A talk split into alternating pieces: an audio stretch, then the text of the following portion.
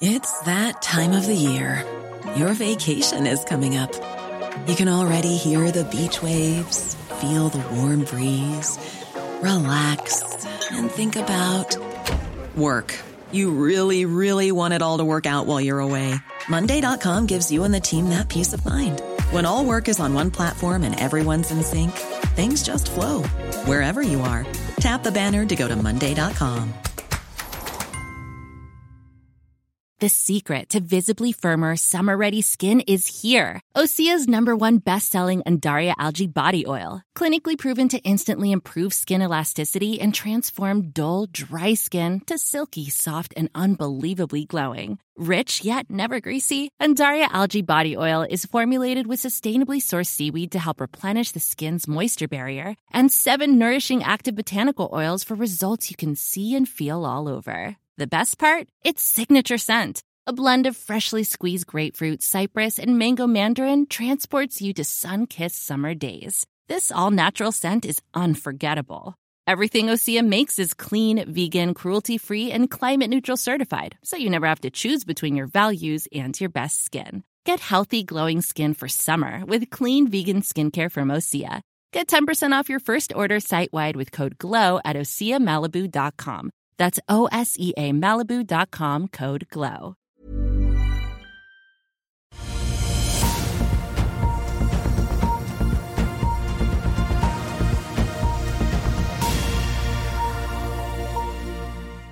Vi er i en krigsøkonomi, og hadde vi ikke handlet, kunne vi risikert at store energiselskap hadde vært teknisk konkurs i morgen, altså i dag. Ja, Det sa Sveriges finansminister Mikael Damberg da han og finansmarkedsminister Max Elger møtte pressen i går og snakket om en ny krisepakke som også inkluderer Norge og Norden. Mer om den nye vendingen i energikrisen som vi har sett i helgen straks, men først får jeg si god morgen og velkommen til Børsmorgen på denne mandag 5.9, der vi altså forhåpentligvis ikke ser en kollaps i den nordiske energibransjen. I dagens sending så har vi med oss aksjekommentator Karl Johan Månes og oljeserviceanalytiker Kristoffer Mølleløkken i Sparebank1 Market, som skal snakke med oss om oljeservice og energiaksjer samme dag som OPEC starter sitt møte.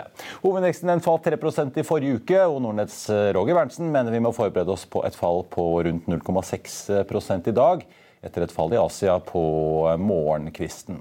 Det skjer etter en relativt god jobbrapport fra USA på fredag, der vi så at det ble skapt 315 000 nye arbeidsplasser utenfor landbruket i USA i august. Og en liten opptikk i ledigheten til 3,7 samtidig da som yrkesdeltakelsen også tikket oppover. Likevel, til tross for dette, så endte børsene på Wall Street ned en drøy prosent, hvis man ser på de tre store indeksene.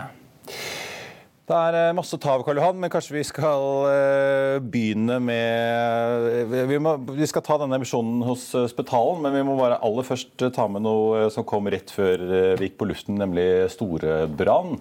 De varsler nemlig at de kjøper det norske fintech-selskapet Kron for 400 millioner kroner med en potensiell bonus i fremtiden. Dette er jo da en app-løsning for, for aksje- og pensjonssparing som i sin tid ble spunnet ut av formuesforvaltning, der hvor Ole Jakob Sunde har eh, sittet. Så disse gründerne sitter vel og smiler hele veien til banken nå som eh, Grefstad og Storbrann kom på banen med sjekkhefte. Ja. Jeg husker jo De kjøpte Skagen for ikke så veldig mange år siden. så Storbrann passer jo på og bygger seg opp i eh, forvaltning. Ja, konsoliderer, konsoliderer. Ja. Hva tror du om det? da? Husk, nå var det jo mye frem og tilbake med DNB og S-banken. Da var jo Konkurransetilsynet opptatt av dette sparemarkedet? Nei, Dette får de helt sikkert lov til å gjøre. Ja. Og De gjør det sikkert fordi de føler de trenger det. Så digitalisere. og De har jo rettet også mye markedsføring mot kvinner og får de til å spare jevnt. og Der er jo et stort uttap av marked der. Ja. Så eh, Storbrann varsler altså at uh, solvensgraden deres tikker ned halvannen prosentpoeng med dette her. altså. Og de tar over de av de 67 000 kundene. La oss eh, snakke rigg, Spetalen, ute med en emisjon i dette selskapet SD Drilling ja, ETC, ja. heter det vel formelt? Ja, ja nei, Det er hett i riggmarkedet. og Vi så jo det på fredag at Bård Drilling var opp med 10% i USA, på, opp med 50 eh, cent. og Bård Drilling er den eh, riggaksjen man må jage i dag tidlig. Da. Og, ja, for Den fikk vel kanskje med seg Nordstream, med seg meldingen om at Nord Stream 1 ikke gjenåpner med det første, skal vi tro Gazprom. Og Det har jo også gjort det mulig da, for Standard Drilling å hente inn 45 millioner dollar i Dolphin Drilling. Da. Og Dolphin Drilling er jo tre gamle Fred Olsen-rigger. Og eierstrukturen pre-money var at Strategic Value Partners, dette her hedgefond, eller dette alternative investment-fondet som lå på hælene til Fred Olsen Energy, at de sitter med 52% og S Standard Drilling 38-39% og andre 9% Standard Drilling da, har jo bare markedsverdi på 1 milliard oppi dette her.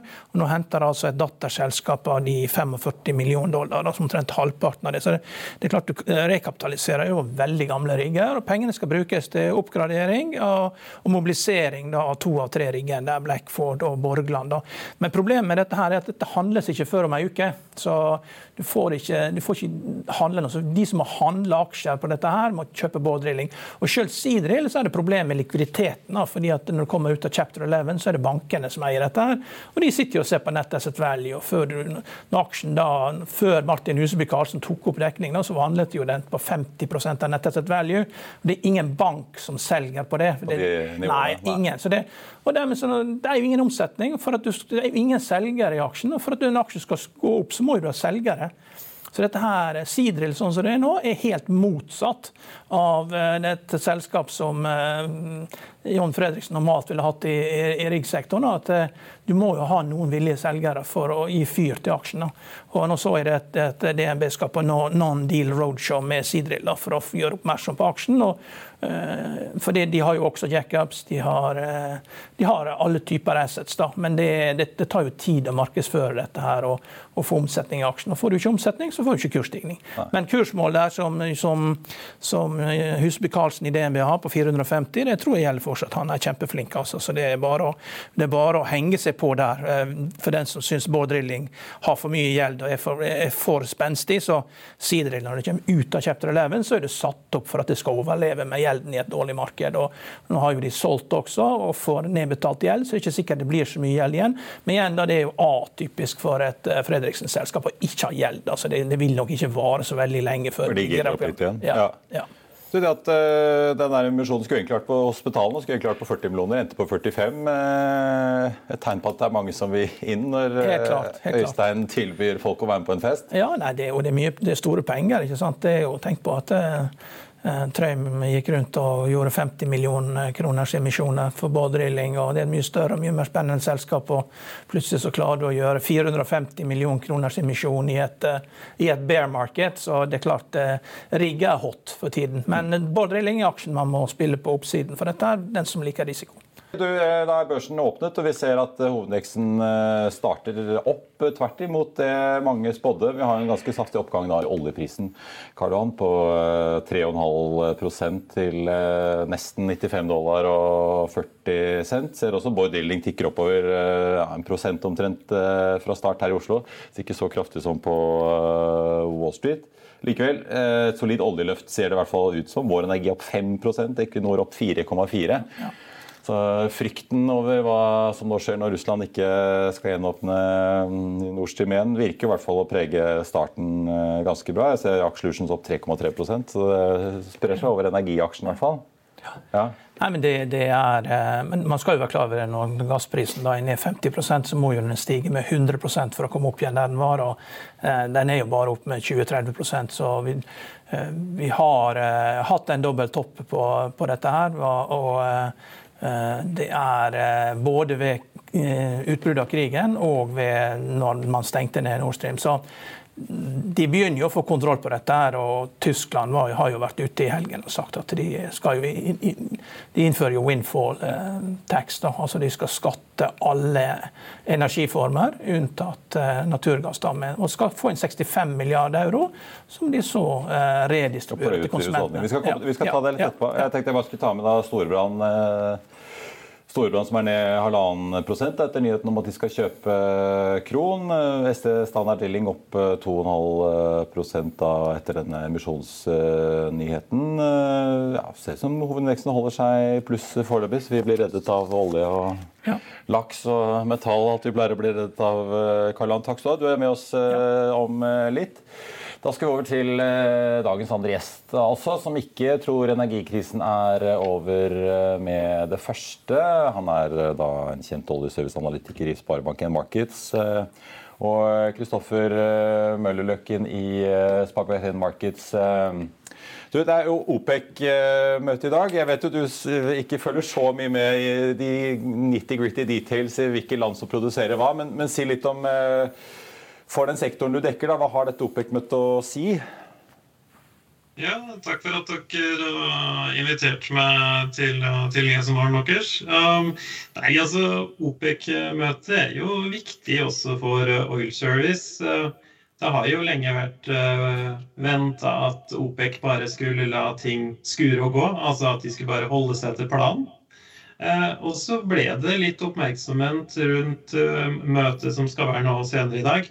Uh, da Saudi-Arabia gikk ut tidligere denne måneden og sa at de måtte vurdere et kutt. og bakgrunnen er jo at oljeprisen har falt fra 120 til 95 dollar fatet som jeg fortsatt synes er en fantastisk bra oljepris. Eh, men det er en del som sier at Saudi gjerne vil ha 100 dollar fatet, og dermed at 95 så, Men uh, man antar jo fortsatt at de ikke skal kutte produksjonen i dag, da. Nei. Eh, men nå så vi jo altså, Nord Stream-meldingen på fredag, som eh, har jo satt et støkk i i flere. Hvordan går du frem når du på en måte skal eh, regne inn alle disse eksterne hva skal vi si, nesten sjokkfaktorene på bransjen? Da? Ja, nei, det, Trøsten får være at det er ikke mulig. så, så. Men, men, det er mye ukjente faktorer nå, eh, og det er mye, mye som kan skje.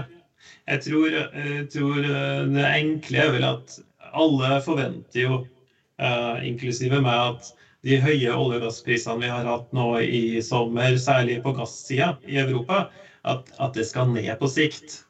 Eh, men det er vel fair å anta at eh, den, den eh, strøm- eller energiprisen vi skal ha på lang sikt, kommer nok til å være høyere enn hva vi har vært vant med de siste åra. Eh, og det skyldes jo litt at man selvfølgelig går fra billig gass fra Russland til en annen energikilde som kommer til å være dyrere. da. Enten fordi at den må bygges ut, eller fordi den må fraktes lenger. Og det er jo veldig billig å frakte gass i rørledning kontra via LNG-skip f.eks. Kristoffer, du eh, har jo vært ute i avisen vår i helgen og sagt at du tror Q3 vil overraske positivt. Eh, det er vel noe både Karl Johan og jeg må følge litt eh, med på. Kan du, kan du si litt, Hva er det du tror vil være det store overraskende jokeren her? Du, dette, dette, går på en, en enkelt aksje, så nå er vi på mikro-mikronivå. så det, det, er ikke tredje kvartal generelt for Oslo Børs. Eh, men det er en av de, de selskapene eh, som jeg følger som analytiker, eh, hvor jeg tror det ligger for lavt. Og det er jo alltid artig når man har en kjøpsanbefaling på aksjen. Og da snakker vi Aker, eller? Nei, da snakker vi faktisk klassikeren PGS. Såpass. Karl Johan, jo, Hvis man sitter i seismikksektoren, så er det, det er vel valget man tar. Vil man være litt uh, giret og få med litt uh, gjeldseffekt i investeringen sin, så går man på PGS. Uh, skal man ha den litt mer sindige og rolige balansen, så går man for TGS. Ja, men det, det, er jo interessant å høre da, hva, hva analytikeren mener. Hva er det som gjør at PGS nå er bedre enn TGS? Eh, altså, vi har jo kjøp på begge to, men eh, foretrekker da Petter, for å gjøre det tydelig. Så det er jo fort å blande disse, siden de har litt for like navn. Men uh, i, i, august uh, så meldte PGS at de hadde inngått en avtale med Shell uh, om at Shell skulle få tilgang på mesteparten av PGS sitt multiklientbibliotek over flere år, sto det. Det sto ikke noe verdi av avtalen. Eh, men eh, så vidt Det beste regnestykket jeg klarer på det, er at den skal være i hvert fall verdt 30 millioner dollar for PGS. Og de pengene kommer nå i tredje kvartal. Og det kommer som late sale. Eh, og I tillegg så ble det også tidlig i august meldte at Eni og BP hadde blitt enige om å slå sammen sine virksomheter i Angola i et nytt joint venture. Vi kjenner jo fra norsk sokkel med Vår Energi, hvor Eni har vært veldig fornøyd med det venturet de har der. Aker BP selvfølgelig her også. Og de gjør det samme da i Angola, men da mellom seg selv. Og denne transaksjonen trigger det dårlig norsk her, men det vi kaller transfer fee til PGS. Og den tror jeg vil være på 20 mill. dollar til. Så bare de to transaksjonene alene, så er du på 50 millioner dollar da, i multiklientsalg i tredje kvartal. Og andre kvartal var jo veldig bra for, for PGS. Budskapet den gang da var husk på, det blir ikke så bra i tredje kvartal. Men da tror jeg rett og slett at de forventa ikke å signere den avtalen med Shell. Og i tillegg, det er jo ikke sikkert at denne Angola-avtalen blir bokført i tredje kvartal. Det kan være at den kommer i fjerde kvartal. Men uansett, det gjør at vi ender opp over konsensus for PGS for tredje kvartal. Og det skyldes disse to spesifikke transaksjonene.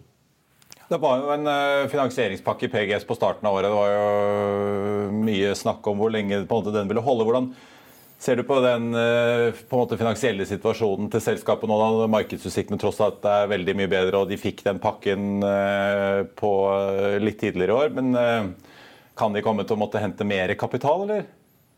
Altså, PGS er dessverre ikke friskmeldt, så, så det er ikke noe konsensuskjøp den aksjen her. Det er høy risiko.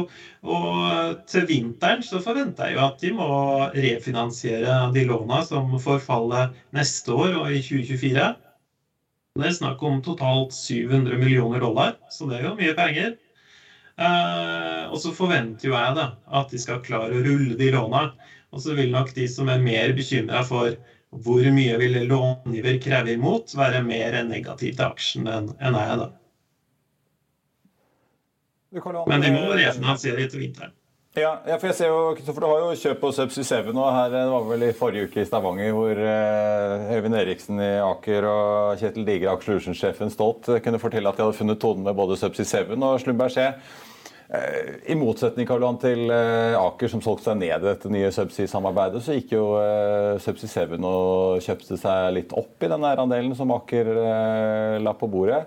Hvordan tolker du det egentlig? Nei, det, Subsea 7 er jo et av de eneste liksom, klare subsea-firmaene. Og er innerst i løken der. Så de, dette er vel ikke noen stor transaksjon for de å gjøre dette. her, Det er det er rart at de er med, men de klarer jo seg godt på egen hånd. Så, men det som, det, det som, gjelder for PGS, det som han drar fram her, er jo at det, det er jo generelt et selskap som gjør det veldig godt når markedet er stramt. For de har jo alltid veldig mye assets da, som, som, de kan bruke. Og når markedet strammer seg til, så, så uh, bruker PGS og gjør det veldig bra. Så hvis du har en lang syklus, så, så, er jo det riktig at PGS kan gjøre det mye bedre enn TGS. Da. Men det, det bruker jo alltid å være emisjon i PGS i fjerde kvartal. Er ikke det en tradisjon i Oslo at det bruker å være det? De har hatt en liksom lei historikk der, jeg er enig i det, Korgan. Så TGS er jo på en måte et bedre alternativ hvis man tenker langsiktig, og iallfall de som Hvis du hadde kjøpt en TGS-aksje for ti år siden, da, kontra en PGS-aksje for ti år siden, så hadde det jo vært veldig trist og lei som PGX-aksjonær kontra TGS-aksjonæren. Men nå, dette er mer sånn det korte bildet og litt sånn traderen i meg. Altså, og positiv overraskelse fra PGS nå i Q3. Og I tillegg i TGS akkurat nå så har du en støy uh, i aksjen pga. dette foreslåtte kjøpet av Magsize Fairfield. Ja. Nei, Det er jo tydelig at det TGS går mot nodeseismikk, altså rundt uh, eksisterende felt. og Det er jo en, det er en anerkjennelse av den formen for seismikk, og at man da eh, går den veien. Eh, og TGS bruker jo å gjøre rette ting. Det er de bruker jo alltid å komme ut av enhver krise veldig sterkt, så det er jo et godt tegn for den type seismikk. Absolutt. Men TGS-aksjen har du sett gjør det jo litt dårligere nå etter at de annonserte Magsa-kjøpet. Og det er jo fordi TGS-aksjonærene er usikre på om det er riktig å gå bort fra den der asset-lette strategien som TGS alltid har hatt. da. Ja. Men det er helt klart en, en anerkjennelse av Magsize og havbunnsseismikkmarkedet at TGS ønsker å kjøpe til. Men når du ser hvor lett et selskap som Standard Drilling får inn en halv milliard kroner, så er ikke det greit for PGS å få gjort unna emisjonen så fort som mulig mens markedet er hett. Det er jo, folk er jo tilbake på jobb eh, både i USA og England nå denne uka. her, så Det er jo eh, greit å få alle med og få gjort det unna for å bli ferdig med det, ikke det? Jeg tror nok plan A for, for PGS er å, å, å rulle låna videre. Altså, så de, eh, hvis de ikke lykkes med det, så må de se på alternativer. Men eh, det første lånet som forfaller, er september neste år, så de har fortsatt litt tid med tanke på refinansieringa. Kristoffer, til slutt kan jeg bare eh, spørre deg litt apropos da, Du har jo kjøpt på PGS, DGS eh, og, og Subsea 7 også. Eh, den der Subsea-fusjonen, gjør det noe med vurderingen din av Subsea 7, egentlig? Nei, altså Som Karl Johan var inne på, det er ikke den store transaksjonen for Subsea 7. Men det er helt fair at du så sikkert at aksjen gjorde ikke så bra etter at det ble meldt, mens Aker Solutions tok av. Og det er litt sånn eh, det triste med å kjøpe av Røkke. Det. Du vet at Røkke alltid har en bra pris når han selger. Uh, så de solgte jo subsea-biten i Aker Solutions på EV Sales engangeren. Uh, og for kjøper, da, Subsea 7, så, så, er det jo litt trist, for de handler jo på 0,6-gangeren. Så de kjøper jo noe som er høyere priser enn sin egen aksje. Så det var helt greit at den falt litt på det. Men heldigvis, det var ikke det store kjøpet. Eh, og jeg på en måte forstår at de går inn i denne joint venture, siden de har samarbeida både med Aker Solutions og Schlumberger fra tidligere. Det var vel bare det der Aker BP-salget Røkke gjorde i fjor høst som man kanskje angrer litt på. Men eh, fra spøk til alvor. Eh, nå er det jo Baker Hughes er jo en stor aktør som er igjen litt alene i bransjen. Eh, tror du det vil komme noe mer konsolidering eh, på oljeservice nå fremover enn det vi har sett, eller? Uh, ja, det vil jeg anta. Uh, det er ikke alt på oljeservice som er helt friskmeldt ennå når det gjelder balanser. Så der vil det jo være naturlig at man ser iallfall på ting når de har fått gjort uh, avtaler med sine långivere. akkurat på Subsea så, så står Saipem i Italia litt sånn ensom og forlatt nå. Nå som Teknip FMC oppe og står og har vært det lenge. og eh, Subsea 7 går på en måte enda tettere inn med Slumberger og Solutions. da. Kristoffer Møllerløkken i Sparebanken Markus, tusen takk for at du var med oss. Så får vi se hva som kommer ut av OPEC-møtet, hvor eh, markedet lander i dag eh, med mye volatilitet og usikkerhet, virker det som. Takk for det. Veldig hyggelig å være her. Takk skal du ha. Og fra oljeservice så skal vi til uh, våre naboer på andre siden av Svinesund. For i går var det altså et uh, pressetreff uh, med den svenske finansministeren og finansmarkedsministeren. Og Det var en oppfølger fra en seanse på lørdag, der det kom flere detaljer på bordet. Altså etter at statsminister Magdalena Andersson, finansministeren selv, lederen av det svenske finanstilsynet og sentralbanksjef Stefan Ingves altså stilte opp på kort varsel og møtte pressen på lørdag. Der varslet de akutte tiltak etter fredagens beskjed fra russiske Gazprom om at den viktige gassrørledningen Nord Stream 1 til Tyskland ikke vil åpne opp igjen på ubestemt tid i påvente av service fra Siemens. Selv om altså Siemens sier de ikke har hørt noe som helst fra Gazprom. Svenske myndigheter har i flere uker vært i dialog med Nasdaq-børsen, som driver altså den finansielle krafthandelen og mye av den i Norden, og deres clearinghus, samt en rekke store energiselskaper. Det opplyste regjeringen selv. Og på kort tid så har nemlig beløpet som kreves stilt som garanti fra aktørene på Nasdaq-børsen i energisektoren steget fra rundt 25 til nærmere 180 milliarder svenske kroner, opplyste regjeringen. Og med en nedstengt rørledning til Tyskland og et nytt prishopp på strøm og gass, så fryktet man at en rekke dominobrikker kunne begynne å falle i dag, og at flere energiselskaper eller NASA Clearing selv kunne enten gått konkurs eller tapt stort fordi de ikke ville klare å stille nok eh, garantier. Svenske myndigheter eh, opplyste at de for all del vil unngå at dette da sprer seg igjen til det brede finansmarkedet. Ja, Finansministeren gikk så langt som å si at det kunne eskalert til en fullstendig finanskrise på kort tid hvis dette kom ut av eh, kontroll. Den svenske regjeringen har altså hasteinnkalt Riksdagen for å godkjenne denne ordningen med statsgarantier i dag allerede, før børsene stenger. og De vil da stille statsgarantier til disposisjon til energiselskaper som er medlemmer av Nasdaq Clearing på inntil 250 milliarder, som skal løpe ut mars måned. Og Ifølge regjeringen i Sverige så skal dette også gi andre nordiske aktører og nordiske land det de kalte handlingsrom til å ta sine egne grep. Finland fulgte opp i går og sa at de ville stille med garantier på 10 milliarder euro, altså 100 milliarder kroner omtrent. Dette kommer på toppen av den prisstøtten som svenskene allerede har stilt til husholdninger og bedrifter for eh, høye strømpriser på 90 milliarder.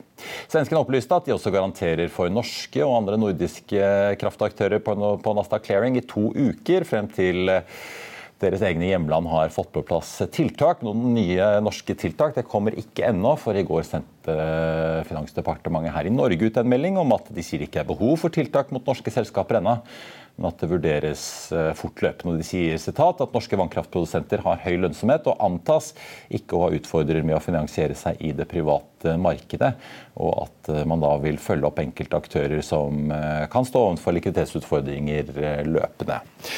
Ja, Karl Johan, Vi har jo sett uh, allerede kraftig hopp i gassprisen. Uh, Bloomberg snakket om en 30 uh, nå på morgenkvisten. Vi ser oljeprisen opp 3,3% i hvert fall på nordsjøoljen til uh, over 95 dollar fatet nå. Ganske saftig økning. og Equinor opp over 4% Vår Energi opp 2,5 så Det er jo de som får aller mest drahjelp, særlig pga. gassprisen. Cool Company, LNG-frakteren, opp 5,1% Så her eh, skjer det ting. Men dette her er begynnelsen på slutten på krisen. altså. Fordi eh, klart eh, Gassprisen var ned med 50% forrige uke. og da når den går opp igjen med 30, det er, det er ikke så mye. Du må opp med 100% for å ta igjen det 50% fallet som var i tyske gasspriser.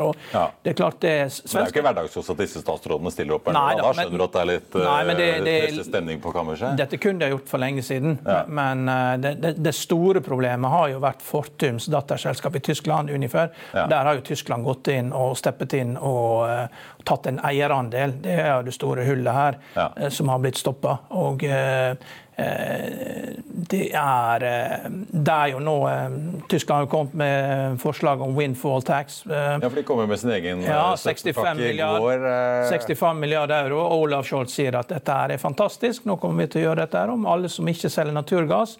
De får en OK lønnsomhet, så er du tilbake igjen til den revisorgodkjente Kost pluss med en liten margin.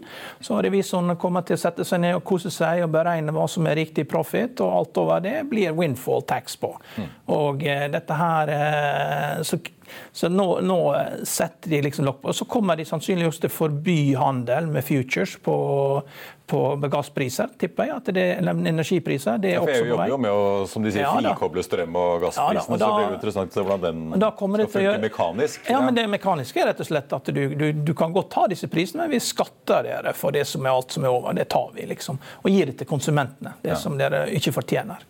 Så det er eh, Olav Scholze, det er sosialdemokratene som styrer i Tyskland. Så det, det er fordelingspolitikk, dette her. Og tar litt tid å vite hva man skal gjøre, men det er dette som skjer.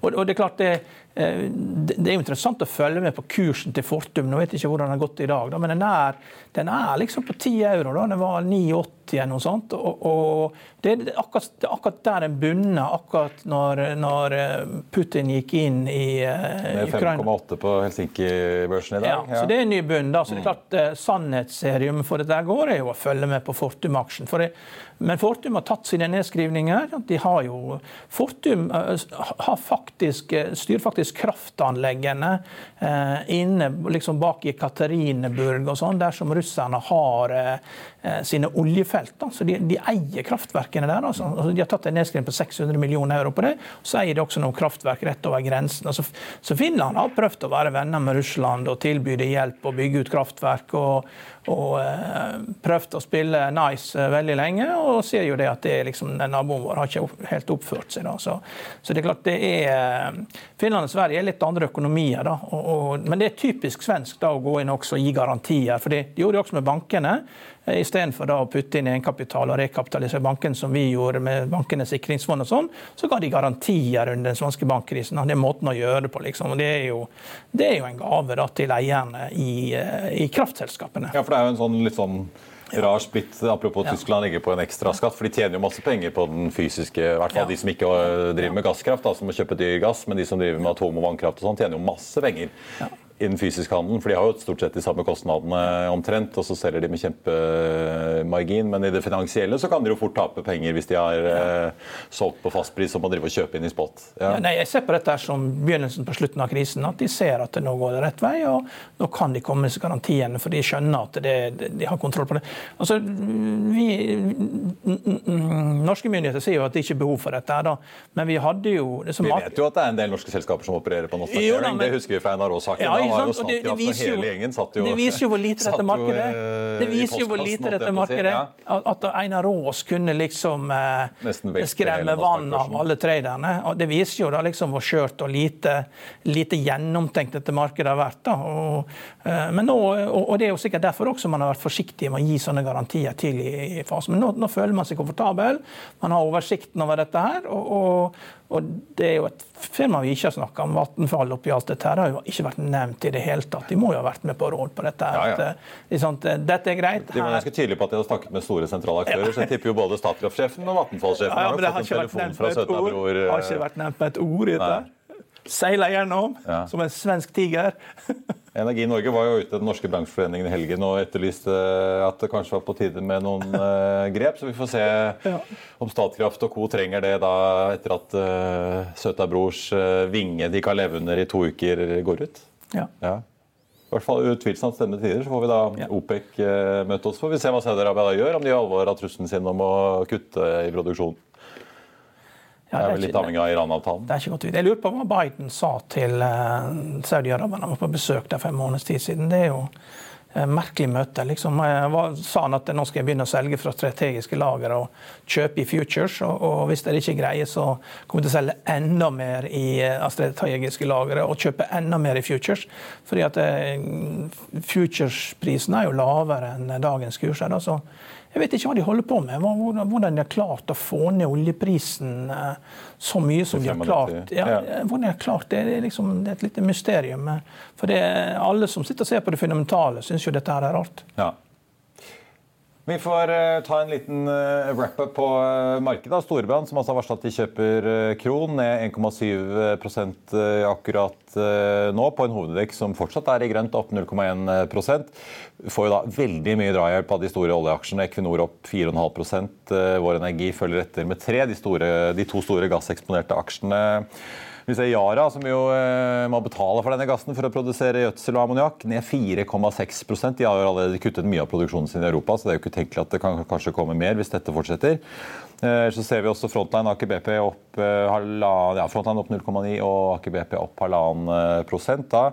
Ganske store stigninger på en rekke aksjer på børsen. Brentoljen Nordsjø holder seg opp over nesten, ja, nesten oppgang på 3,5% ligger der med på 95,30 så langt. Og rundt oss i Europa så er det nå rødt på alle de store indeksene. så da forblir jo da Norge den grønne øyen midt i Det røde havet. Det var børsmålen for denne mandag 5.9. Husk å få med deg økonominyhetene klokken 14.30. Da har vi med oss Trygve i studio. Og så holder vi et øye på OPEC-møtet utover dagen. Siste nytt om det og alt annet som skjer, får du selvfølgelig på fa.no.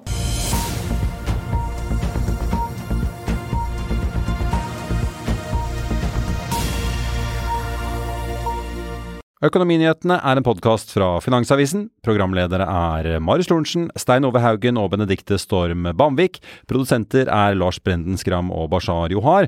Og ansvarlig redaktør er Trygve Hegnar.